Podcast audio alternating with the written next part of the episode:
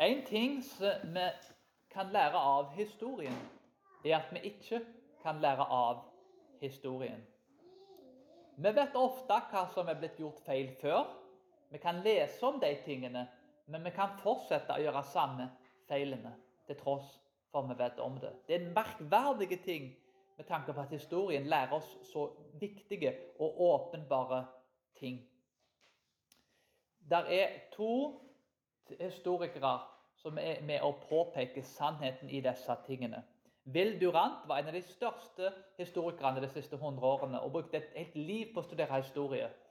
Eh, der er dukker som regel opp en historiker hvert 100 år som oppsummerer og skriver om alle sivilisasjonene og samler et digert verk sammen. Will Durant var en veldig objektiv historiker, og han var også en agnostiker. Han trodde altså ikke på Gud. Bertrand Russell var en annen kjent idéhistoriker som var veldig kristendomsfiendtlig. Skrev faktisk en egen bok om hvorfor han ikke var kristen. Bertrand Russell var en idéhistoriker som, som er en veldig kjent uh, intellektuell litt tilbake i tid. Uh, det var vel de siste 100 årene han var mest kjent. Uh, Bertrand Russell sa det samme som Vildurant. Observasjonen til disse to folkene som var regna som kanskje noen av de to største intellektuelle på sin tid. Det de kom fram til, var at når sivilisasjonen var mest utvikla, så, så, var det når teologien og religionen sto sterkest. Når du avviste teologien og religionen, så forsvant etikken og moralen. Og når etikken og moralen forsvant, så ville rett og slett umoralen øker i samfunnet, og sivilisasjonen vil bli svekket, og til slutt så falt den. Og til slutt så vil de bli kolonisert av andre nasjoner med sterkere samhørighet og sosial samhørighet. Som ofte kanskje til og med var mindre sivilisert av dem. Vi ser dette i Romerriket, der barbarene, de usiviliserte barbarene egentlig tok over Romerriket. Vi ser det igjen og igjen og igjen og igjen i historien. Veldig fascinerende at en kristendomsfiendtlig kar, som, som, var en av de mest kjente idéhistorikerne på sin tid, så vel som Will Durant, som var også en person som ikke trodde på Gud, mener at teologien bygger opp sivilisasjonen. Mens når en bryter med teologien og religionen, så blir sivilisasjonen revet ned. Det er utrolig interessant, fordi Det gamle testamentet forteller oss akkurat det samme om Israel. Når Israel slutter å tilbe Gud rett, når de avviser teologien, så slutter de å elske sin neste som seg sjøl. De begynner å ofre unger så vel som andre ting. Og da faller sivilisasjonen. Israel blir sendt inn til Babylon. De er en del av Egypt. Og de går inn i et slaveåk til Babylon til slutt, for de driver for mye avgudsdyrkelse. I dag så blir avgudsdyrkelsen manifestert mer i det sekulære. Men det er den samme leksa i historien som vi lærer igjen og igjen og igjen. Det er fascinerende at disse to kjente artistene eller agnostikerne lærer oss akkurat det samme som Det gamle testamentet. De observerer akkurat det samme vi ser med israelsfolket. Når en slutter å tilbe Gud, så slutter en å, å, å elske nesten som seg sjøl, og da faller samfunnet sammen. En kollaps i samfunnet. Dette er relevant for oss som lever i Norge i dag, for vi ser mye av de samme tingene i Vesten. Kan det være noe i Korint som tilsier at disse tingene er sant? Kan det være noe korinterne hadde å lære av Paulus når Paulus går inn i Israels historie og prøver å vise dem hva de kan lære av disse tingene? Kan vi unngå disse feilene hvis vi kan lære noe av Israel?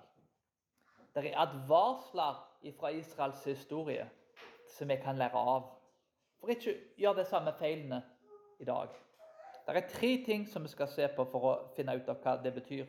Nummer én Gud var ikke tilfredsstilt med israelittene.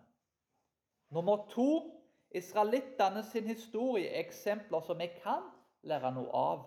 Nummer tre det er en vei ut av frafallet og fristelsen.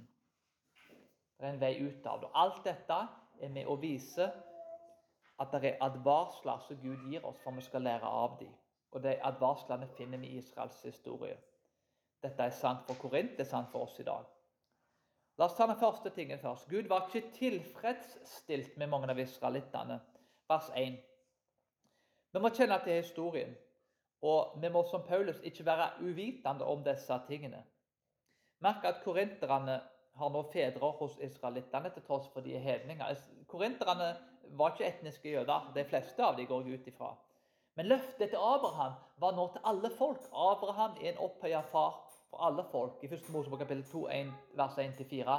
Alle familier, inkludert korinterne, inkludert oss, er nå en del av Abrahams løfte. Israels historie er vår historie. Vi har en far som heter Abraham som igjen har en far da, som, som går helt tilbake, som er Gud. Men Israels historie er vår historie. Det er svært fascinerende at det Paulus skrev i en tid. Han skrev til romere og han skrev til jøder. Han skrev til et folk som i stor grad verdsetter gamle ting. Vi lever i dag i en kultur som ikke verdsetter det gamle. Vi lever i en kultur i dag som i veldig stor grad sier at ikke stol på noen som er mer enn 30. Det var sånn gammelt sitat på 70-tallet som de alltid siterte. Ikke stol på noen som er mer enn 30 år gamle. I dag er det mer sånn De hadde ikke iPad. Folkene som ikke vokste opp med iPad, det er folk som du ikke kan lære noe av. Og jeg alltid svarte på det at eh, jeg foretrekker å lese folk som bygde opp sivilisasjonen, og ikke folk som rev den ned. Derfor leser jeg gamle bøker. Men i romerne og grekerne og på denne tida som Paulus skrev, så var det en selvfølge at det som var gammelt, var bedre. Hvis du kunne si at jødedommen var gammel, og pga. det så hadde han en viss respekt Jødene hadde en viss respekt, egne rettigheter. De hadde Israel, de var kolonisert og, hadde utfordringer. Men, men det var en respekt for det gamle. Vi kan gå tilbake helt til Abraham, 1500 år før Kristus. 3500 år. Hvis du sier de samme tingene i dag, så tenker de uff, dette gamle, primitive. Jeg sitter på iPaden min iPhonen. Jeg kan mye bedre. Vi har ikke Grete Thunberg. De hadde ikke Greta Thunberg på den tida, derfor forstår de ikke disse tingene. Det er den typen mentalitet som ligger bak ting. Det ville vært helt utenkelig på denne tida og så tatt en 15-åring, en 12-åring, og, og lagt den personen om til en visdomsperson. Det var de gamle, de med grått skjegg og grått hår. Det var de som hadde kunnskap og visdom. Da Kulturen har forandra seg. Så det er den kulturen Paulus preker inn til. Vers 2. Alle ble døpt i Moses i skyen og i havet, og Moses var israelittene sin frelsende aktør for Gud. Vår frelsende aktør er Jesus, og Jesus blir på en måte en, en ny Moses. Jesus frelser oss direkte. Moses var en frelsende aktør. Han frelste jo ikke, det er jo Gud som frelser. Men Jesus hadde en direkte frelse. Men det er veldig mange paralleller mellom Jesus og Moses. Og Merk en annen ting nå, at med tanke på at det er en henvisning til dåp her. Det er ikke det som er poenget i, i dagens tale. Men, men barnet gikk sammen med Moses under havet. Ca. to millioner folk kanskje har de regna ut. Så, men, men, alle generasjonene gikk sammen under havet, ledet av sine foreldre. Og igjen, Paulus bruker henvisningen her til dåp. Vers 3-4. De drakk alle den åndelige drikk, samme åndelige drikk, og den spiste den samme åndelige mat. Og det var Kristus som var den åndelige drikken i ødemarken. Så det er altså en kontinuitet her mellom Israel og mellom Korint. Vi ser at de begikk avgudsdyrkelse, gamle Israel, og det gjorde også korinterne. Korinterne bidro til veldig mye avgudsdyrkelse. Og de gjentok Israels sine synder og satte seg selv under Guds dom. I vers 5 så ser vi at likevel fant ikke Gud behag i de fleste av dem. De ble slått ned i ørkenen. Og hvorfor ble de slått ned i ørkenen? Disse var jo folk som gikk under havet med Moses. De så hva Gud hadde gjort. Prøv å forestille deg sjøl. Du har en svær, mektigste hæren på kloden som kommer bak deg. Havet blir delt. Du går gjennom havet. Det er vann som kanskje ikke drypper på deg. Du ser havet bli reist opp. Her har vi altså en, en, en, en mann som leder et slavefolk og, og, og, går imot den mektigste mannen kanskje på planetene på den tida. I en sivilisasjon som er urgammel, som har overlevd lenge. Prøv å forestille deg disse tingene. Det er en helt utrolig ting å tenke på. Han går til havet og slår en, en, en gammel stokk, og havet deler seg. Det, det er en helt ufattelig ting at de så disse tingene. Hvordan kan du se de tingene og tilbe en gullkalv i etterkant? Problemet var ikke det at de, ikke var omskårne. Problemet var ikke det at de ikke hadde sett de tingene. Problemet var ikke det at de ikke hadde gått gjennom Rødehavet, og at de ikke hadde tatt del i altså det Paulus her kaller dåpen. Problemet var at de gjorde ikke det kontinuerlig. En kan ikke leve på foreldrene sine bragder. En kan ikke leve på besteforeldrene sine bragder. En må kontinuerlig følge Gud. Manna og vann her er jo et bilde både på dåp og nattverd. Å delta i nattverden er jo en fantastisk ting. Men det er noe som da en gjør kontinuerlig. Men til og med det er ikke godt nok hvis en ikke lever et liv som viser at disse tingene er en realitet i livene våre. Så Israelittene ble slått ned pga. at de, de ble avgudsdyrkere. Til tross for de så alle disse tingene, så ble de avgudsdyrkere. Og de valgte å avvise, ikke fortsette å følge Gud. Jeg må leve et jevnt liv for Gud for å bli bevart. Å overleve i en ørken er ikke en enkel ting.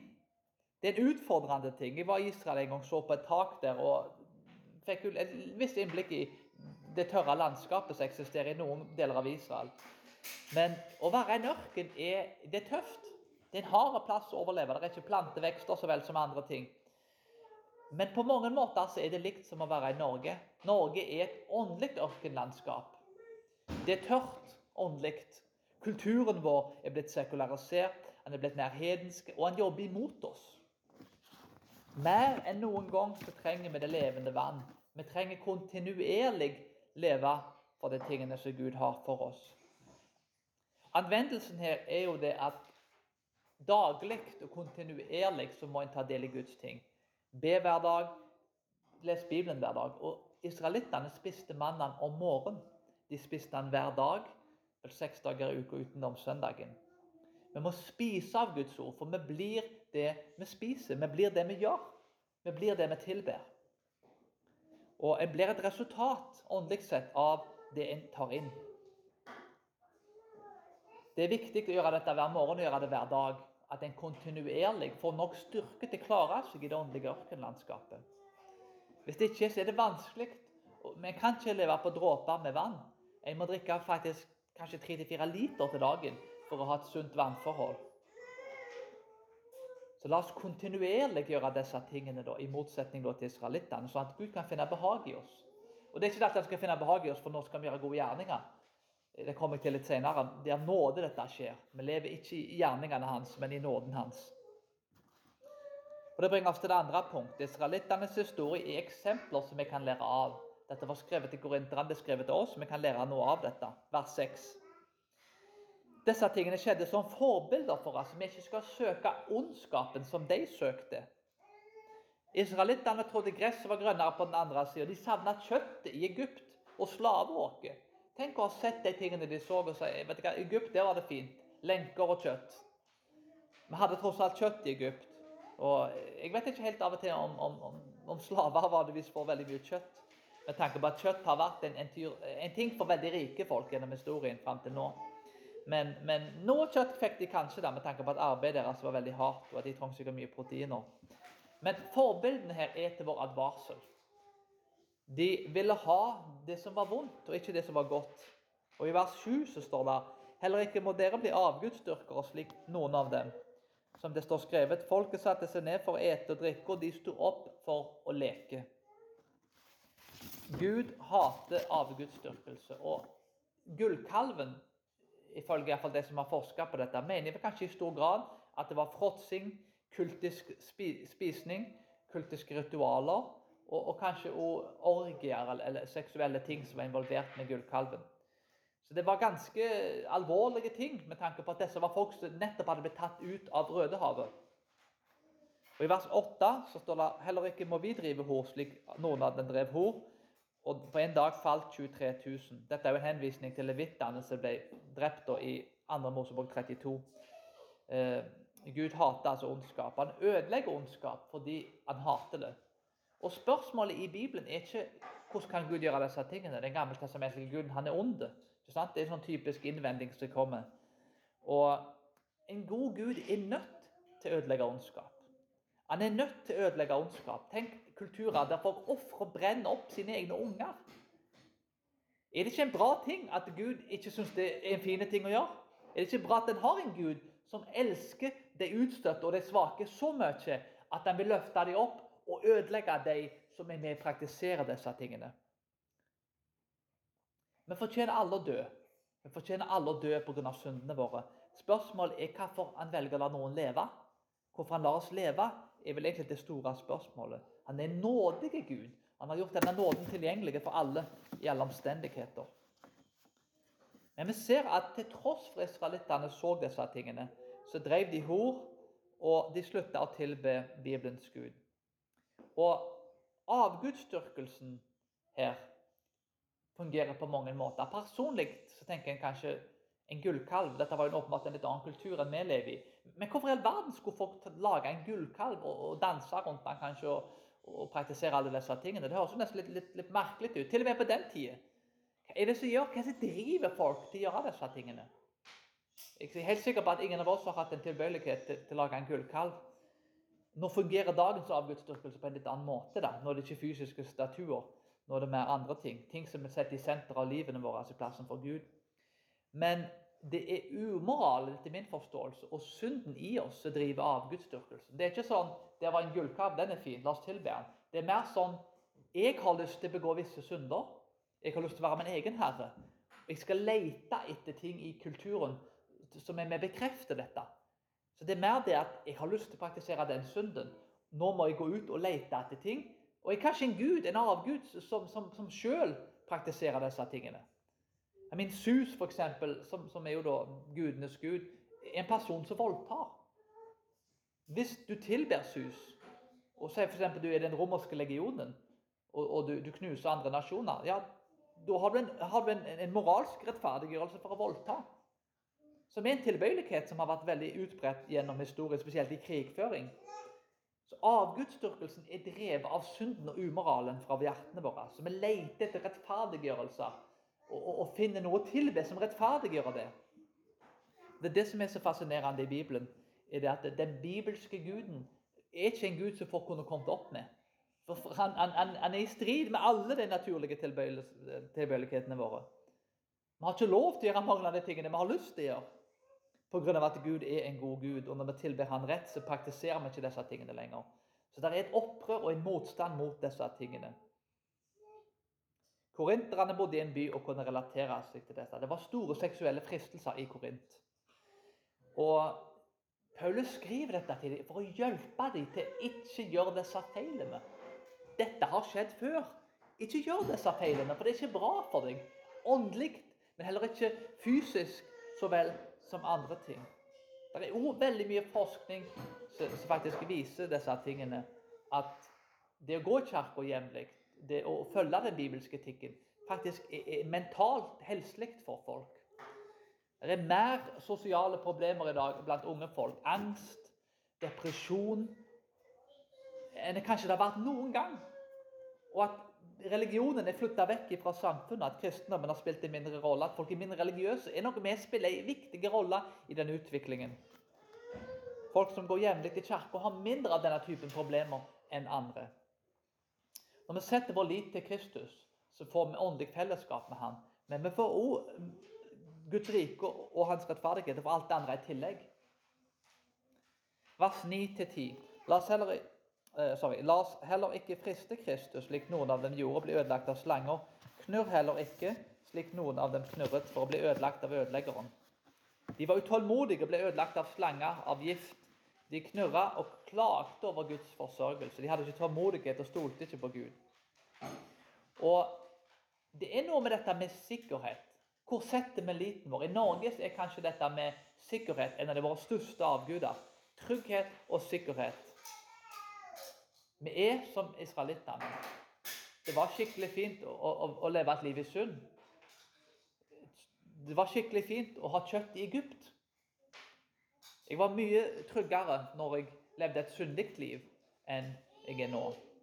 Og På mange måter er det mye vanskeligere å leve et aktivt kristent liv enn det å leve et liv i synd. Det er vanskelig å være sivilisert. Det er mye vanskeligere uh, å faktisk leve på en sivilisert måte. Å leve på en bibelsk måte. Det er i strid med kjødet vårt og synden i oss. I Norge er vi veldig opptatt av materialisme og sikkerhet. Vi har oljefond, vi har velferdsstat, vi har et komfortabelt liv. Og det er ikke noe galt med det. Det er en velsignelse fra Gud. Men den sikkerheten i veldig stor grad har blitt en erstatning for et liv i Herren. Jeg skal leve det mitt beste liv nå. Vi leter etter sikkerheten, ikke i Herren, men i alle disse andre tingene. Vi leter etter sikkerheten i avguder. Det blir en avgud for oss. At den tryggheten og sikkerheten blir det som er sentralt, og som tar den store plassen i livene våre. Vi er skapt for noe bedre og for noe større. Og husk på det i dag at med høye energipriser, med høye oljepriser og med, med store omveltninger i dag, det som skjer med jordbruk Disse tingene kan bli tatt vekk fra oss på et blunk. Plutselig er det et teppe som blir dratt under føttene på, på oss. Oi, nå har vi ikke disse tingene lenger. Vi satt liten vår til dette flotte livet. Plutselig så blir folk som eier mye ting, strømprisene blir så, så dyre at de må selge tingene. De har ikke flere ting igjen. Og det er da en ting som en alltid har igjen, er Jesus Kristus. Når vi har liten og fellesskapet i Han. Det er noe som aldri vil bli tatt vekk fra oss. Han har lovt oss at vi har et evig liv i Han. Dette er det evige liv, at de kjenner ham, og han dør utsendt Jesus Kristus. Johannes 17, 3. Det livet som er i Han, er noe vi ikke Vi kan ikke miste den frelsen hvis Han har satt oss til sides. Vi kan miste alt utenom Han. Og Det er en utrolig viktig ting at vi aktivt viser at vi er av Han. Ikke pga. at det frelser oss, men pga. at det viser oss at vi er frelst av Hans nåde. Der vi kommer sammen og tilber Han om søndag, har fellesskap og lever av den mannen og det vannet som Han gir oss gjennom bønn, gjennom ordet, gjennom å delta i sakramentene og gjennom å, å, treffes og ha fellesskap. Vi kan lære av israelittene. Vi trenger ikke gjøre den samme feilene som de gjorde. Og Det bringer oss til det tredje punktet. Gud vil vise vei ut på den rette vei og ut av fristelsen for den som stoler på han i vers 11-13. I vers 11 så står det at dette ble skrevet til oss som forbilder. For, som formaning på de tidene som er kommet. Se at dere ikke faller, i advarselen.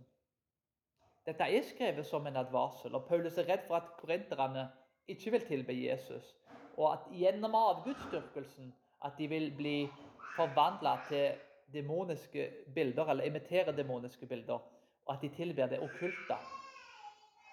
Det, det som appellerer med det okkulte, og dette er ting som er mer utbredt i dagens samfunn enn mange tror.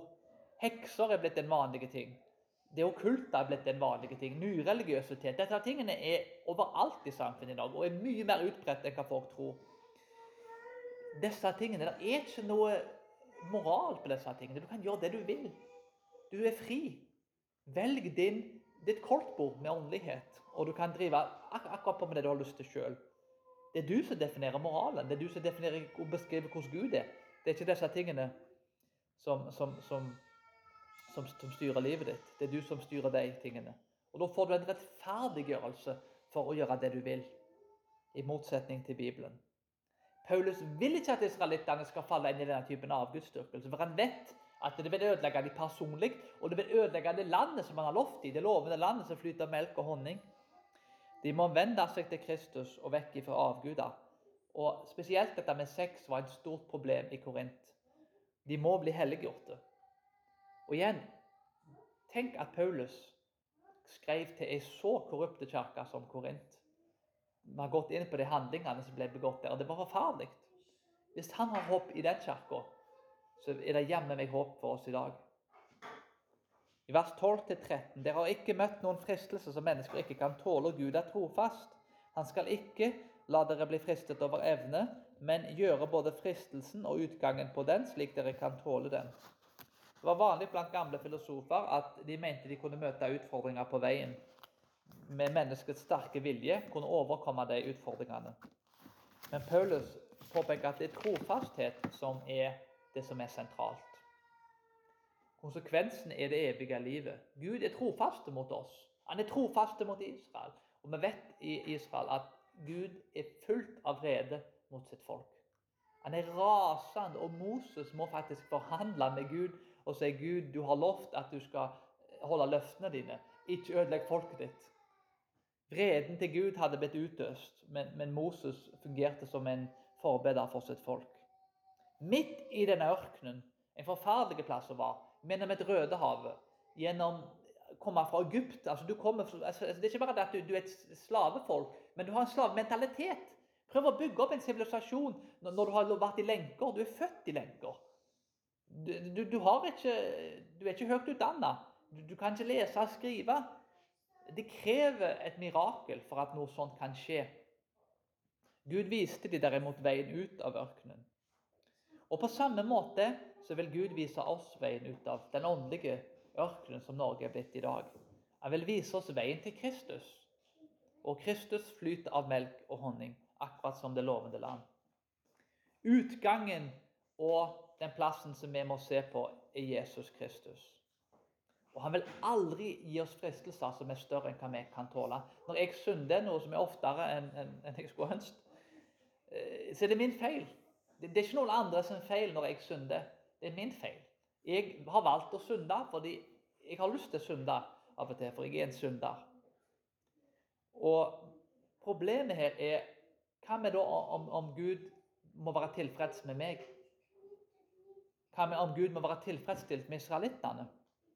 De ble frista, og mange falt. Og Problemet i Bibelen i Det gamle testamentet, i det nye og med våre liv, er at Gud er ikke tilfredsstilt med oss. Denne ørkenvandringen var en fiasko. Folk synda i et bankende kjør. Men det var en som var ute i ørkenen, og han møtte djevelen i ørkenen.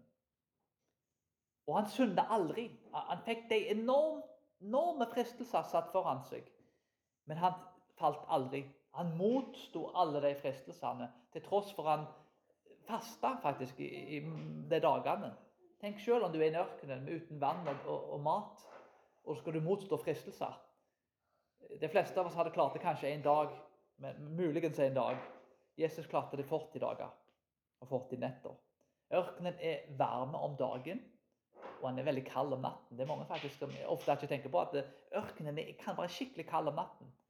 Det er ikke en behagelig plass å være om dagen. Det er ikke en behagelig plass å være om natten. Og Spesielt hvis du ikke har mat og drikke. Men Jesus motsto alle disse tingene i ørkenen. Han vant over djevelen, synden og døden og ble oppreist fra det døde. Sånn at Gud skulle bli tilfredsstilt. Ikke med oss, ikke med Israel, ikke med korinterne, men med Jesus Kristus. Gud er tilfredsstilt med Kristus, og det er hans blod som dekker syndene. Takk og pris for at min ørkenvandring ikke er en ørkenvandring som Gud må bli tilfredsstilt med. For min ørkenvandring er lik israelittene sin. Det er en ørkenvandring der jeg kontinuerlig kanskje noen ganger har synda mer enn jeg har gjort, gjort, gode ting og levd rett.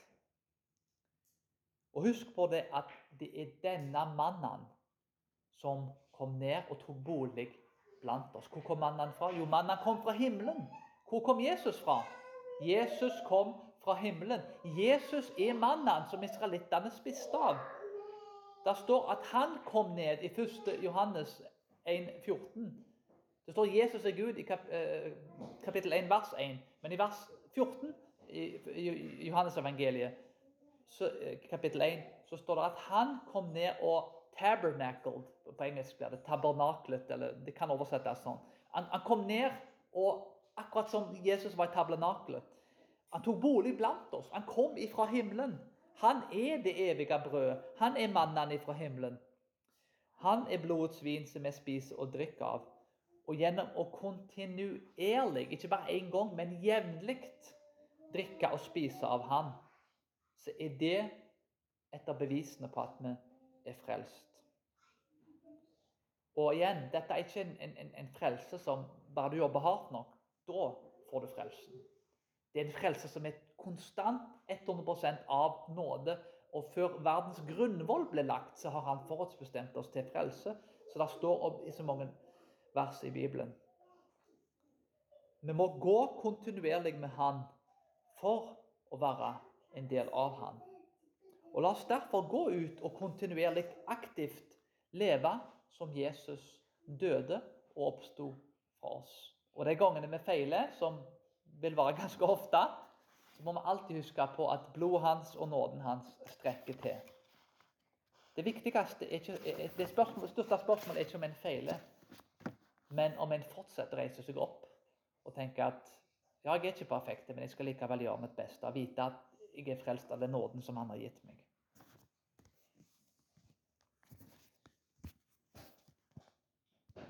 La oss be.